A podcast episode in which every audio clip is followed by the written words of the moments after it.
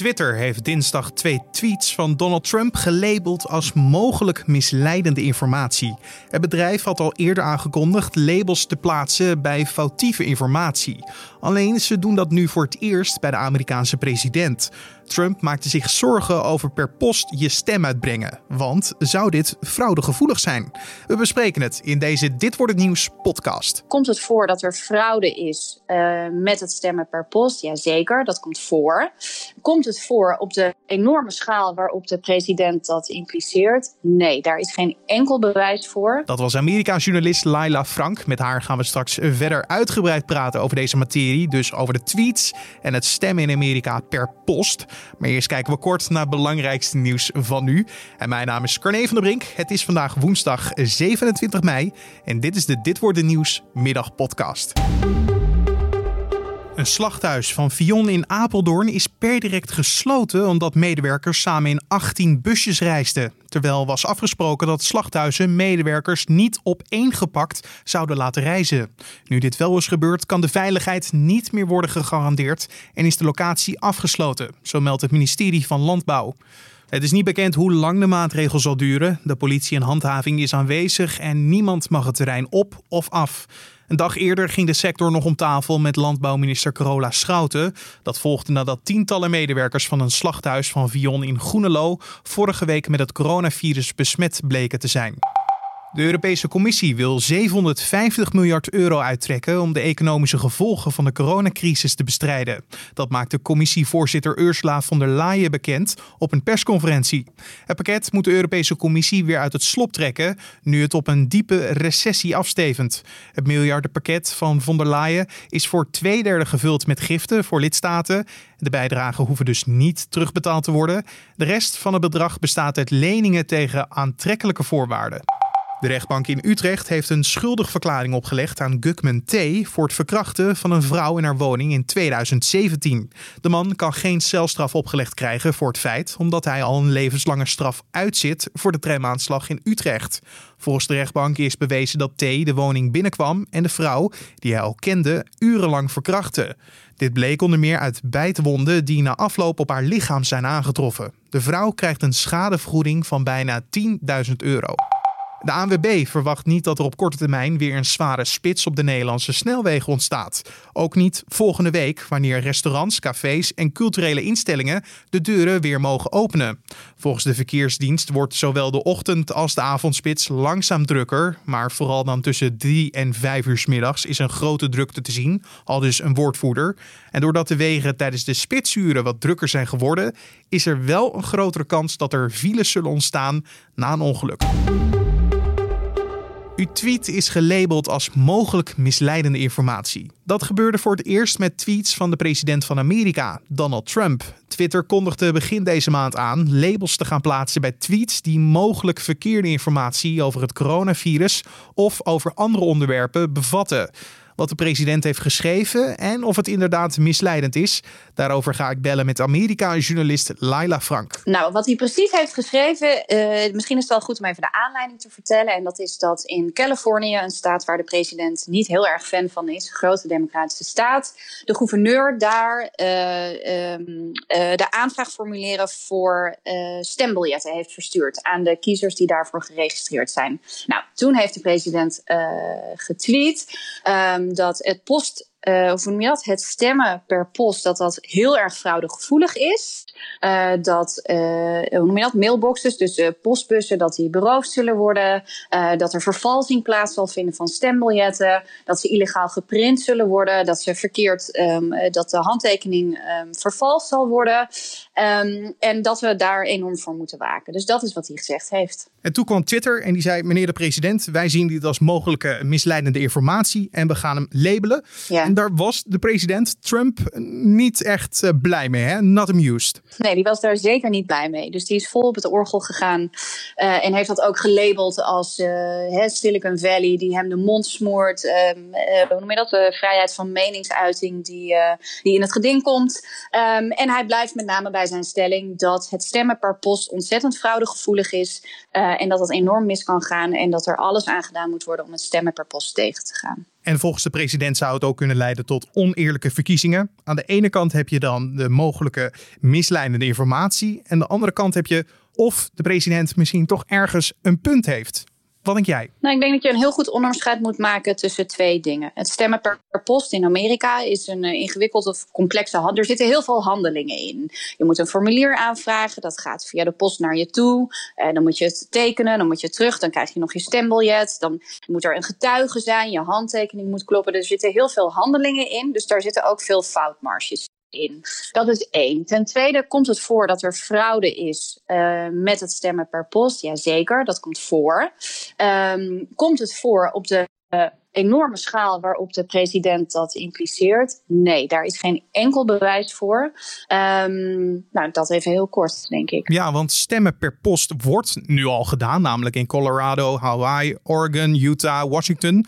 Waar maakt de president zich dan nu druk over als het al gebeurt? Nou, misschien is het. Ik ga nog eentje terug, want misschien is het wel goed om even voorbeelden te noemen. Van wat kan er nou misgaan en waar hebben we het dan over? Mhm. En dan kom ik zo meteen even uit bij die, bij die vijf staten. Wat er bijvoorbeeld wel uh, misgaat, of uh, in welke gevallen er vormen van fraude zijn, is dat er handtekeningen vervalst worden. Um, dat komt voor. En het tweede, waar de president in andere tweets ook aan refereert, is wat ze noemen ballot harvesting. Oftewel het verzamelen van heel veel stemformulieren. Wordt ook wel granny farming genoemd. Dus uh, het verzamelen van heel veel stembiljetten van omaatjes, omdat het is iets wat vaak gebeurt in bejaardentehuizen. Nou, wat gebeurt er dan? Um, bijvoorbeeld in een bejaardentehuis komt iemand van een partij binnen, een vertegenwoordiger van of de Democraten of de Republikeinen. En soms zijn dat ook gewoon uh, ingehuurde mensen. Um, en die gaan al die mensen langs en die verzamelen die stembiljetten. En die nemen ze allemaal mee en die leveren ze dan in namens al deze mensen. Nou, dat heet harvesting. Um, en dat is, uh, daarbij kan je mensen heel goed onder druk zetten om een bepaalde stem te kiezen. Uh, je kan stemmen kopen bijvoorbeeld. Nou, er zijn incidenten gemeld in Amerika waarin dit gebeurd is. Maar zijn dit dan juist incidenten die dan misschien ook de krant halen of de plaatselijke krant? Of is dit een groter probleem al een tijd of aan het worden? Nee, als het gaat over het stemmen per post, dan zijn dit de uitzonderingen en niet de regels. En ik denk dat dat wel heel belangrijk is om te zeggen. En als het echt gaat over fraude. Je hebt natuurlijk ook foutmarges. Hè? Je hebt ook uh, gevallen van dat stembiljetten bijvoorbeeld kwijtraken in de post. Dat ze gewoon niet aankomen. Of bijvoorbeeld dat mensen hun handtekening niet goed zetten en daarmee is hun stem ongeldig. Of dat uh, de stembiljetten wel op tijd verstuurd zijn, maar te laat aankomen na de deadline. Dus ook dat zijn allemaal foutmarges die voorkomen. Um, um, en vooral het vervalsen van handtekeningen en wat ze dan noemen ballot harvesting. Ja, dat komt voor, maar echt, uh, je kan ze opnoemen. Er zijn databases van, maar het zijn eerder de uitzonderingen dan de regel. En ik denk dat ook heel. Uh, uh, wat daarbij belangrijk is, is dat je er van alles aan kan doen. Dus die staten waar jij het net over had, hè, vijf staten waar uh, inderdaad al volledig per post, dus voor alle verkiezingen, niet alleen de presidentsverkiezingen, maar volledig per post wordt gestemd, um, die nemen allerlei maatregelen om deze foutmarges of mogelijke uh, fraudes te voorkomen. Dus je kan er ook echt van alles aan doen. En in deze staten is ook zijn bijna geen gevallen van fraude. Maar heeft de president dan het licht gezien of een laadje open gedaan met, uh, ja, met al deze incidenten daarin? Of heeft het ergens anders mee te maken dat hij zich daar nu druk over maakt? Nou, de president zegt daarover zelf in zijn eigen tweets, heeft hij de afgelopen tijd gezegd. Hè, uh, er is een enorm gevaar voor kiezersfraude als we dit doen. En op de een of andere manier, hè, dat stemmen per post, dat pakt altijd slecht uit voor republikeinen. En hij heeft ook nog gezegd, hè, als we echt op deze manier, op deze schaal in ons land gaan stemmen per post, uh, dan zou er nooit meer in republikeinen verkozen worden. Nou, hè, dus eigenlijk zegt hij: stemmen per post is slecht voor Republikeinen en goed voor Democraten. Ook daarvoor is alleen geen overtuigend bewijs. Dus er is vrij veel onderzoek naar gedaan door allerlei universiteiten en instituten.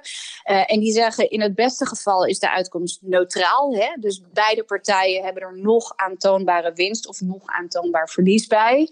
Um, maar dat wil niet zeggen dat de kracht van uh, deze stelling uh, heel goed werkt om zijn eigen achterbaan op te zwepen om te komen. En zo geldt dat overigens ook voor de Democraten. Dus het feit dat de president dit onderwerp zo naar boven brengt, uh, is ook iets wat de sorry, Democraten gebruiken om hun achterban te waarschuwen en te zeggen: kom op, we moeten gaan stemmen. De pijlen van de president zijn nu gericht op Californië, want die hebben deze procedure aangevraagd voor het per post stemmen in november. Uh, maar als je het hebt over die timing, die is niet vreemd volgens mij te noemen, want minimaal duurt dit proces een half jaar? Nou, dat, en dat is, hè, daarvoor, daarover hebben verschillende deskundigen zich ook uitgesproken. Die hebben de zorg uitgesproken als je dit wil doen, moet je daar heel snel mee beginnen, want dit vraagt een hele uitgebreide voorbereiding. Dit is een ingewikkeld proces met veel stappen daartussen. Dus als je wil zorgen dat dat netjes en goed gebeurt, moet je daar echt vandaag of liever nog gisteren uh, mee van start gaan. Sterker nog, een aantal van die staten, bijvoorbeeld Washington State, is wel tien jaar lang bezig geweest om dat proces van stemmen per post echt te perfectioneren. Ja, en de staten denken hier nu over na, omdat de coronacrisis natuurlijk in het land eh, ja, huishoudt. En er moet gewoon gekeken worden naar, ja, wat kunnen we als oplossing bieden dat niet grote groepen mensen samenkomen, denk ik zo. Nou ja, dat. En, uh, en ook gewoon mensen helpen om hun stem uit te brengen, omdat nou ja, we weten niet hoe het eruit ziet over een half. Maar er zijn ook veel mensen, met name kwetsbare groepen, die hun stem willen kunnen uitbrengen. Um, en die, uh, ja, die, die niet graag met heel veel mensen bij elkaar willen komen en dat fysiek te doen. Ik wil toch nog even terugkomen op de tweets. Want daarin schrijft de president dat hij bang is voor oneerlijke verkiezingen. Uh, maar spelen zijn eigen kansen voor november nog een rol hierin? Um, nou ja, kijk, kijk er in, in twee maanden tijd hebben 38 miljoen Amerikanen hun baan verloren sinds de coronacrisis. En Amerikanen Amerikanen maken zich echt hele grote zorgen over hun eigen voortbestaan, over of ze de rekeningen kunnen betalen. Um, en iemand gaat daarvoor de rekening betalen in november bij de verkiezingen. En vooralsnog, ondanks enorme steun binnen zijn eigen partij, is de trend in de peilingen voor de president um, niet gunstig. Dus uh, ja, gebruikt hij dit om zijn eigen kansen uh, te vergroten. Ik denk dat de president op dit moment heel veel verschillende strategieën gebruikt om ervoor te zorgen dat hij kan winnen in november. Um, ja, dit is er denk ik wel eentje van. Ja, en voor Trump is natuurlijk Twitter zijn wapen met 80 eh, miljoen volgers. Ja, gebruikt hij dat toch echt in moeilijke tijden? Of als hij iemand eh, een les wil leren of iets rechts wil zetten, dan duikt hij op Twitter. Maar denk je door deze ontwikkeling van het labelen van mogelijk mis misleidende informatie, dat hij ook zijn kracht van zijn wapen kan verliezen? Ja, dat weet ik niet heel goed. Want, eh, of tenminste, vooralsnog niet, laat ik het zo zeggen. Want wat ik nu vooral zie gebeuren is dat de president uh, de handeling van Twitter, of het handelen van Twitter, ook gebruikt om zeg maar de politieke cultuuroorlog in Amerika eh, dat vuurtje op te stoken. Hè, en te zeggen: zie je wel, dit is zo'n typisch democratisch Silicon Valley bedrijf dat mij de mond probeert te snoeren. Nou, als je iets niet wil in Amerika, hè, is het uh, de vrijheid van meningsuiting inperken. Dat is electoraal en in het waardesysteem van Amerikanen een heel uh, sterk gevoeld uh, sterk gevoeld recht. Dus de president gebruikt vooralsnog uh, het handelen van Twitter uh, voor zijn eigen gelijk en eigenlijk de bevestiging daarvan. En ook voor het, um, ja, demon demoniseren is misschien niet het goede woord, maar um, het in de hoek zetten van, in dit geval Twitter, als een Silicon Valley, democratisch, elitair bolwerk. nou ja, zo. Dus vooralsnog denk ik dat het een ten goede komt. Um, als Twitter inderdaad elke tweet van de president gaat factchecken en daar een waarschuwing bij zet. Ja, geen idee. Misschien dat de president wel een heel ander medium uitvindt of verzint. Of I. Dat was Amerika-journalist Laila Frank. En inmiddels heeft Donald Trump op Twitter verder gereageerd op de labels die hij heeft gekregen op een paar van zijn tweets. De Amerikaanse president dreigt namelijk social media platforms streng te reguleren of te sluiten. Dus je kan wel zeggen dat deze kwestie nog niet is afgelopen. En dan nog even het weer. Vanavond schijnt de zon nog steeds volop. In het noorden komen sluierwolken voor. Maar komende nacht is het overal helder. Het zal afkoelen naar 4 tot 6 graden in het oosten en 7 tot 9 graden in het westen. Morgen begint de dag weer volop met zonneschijn.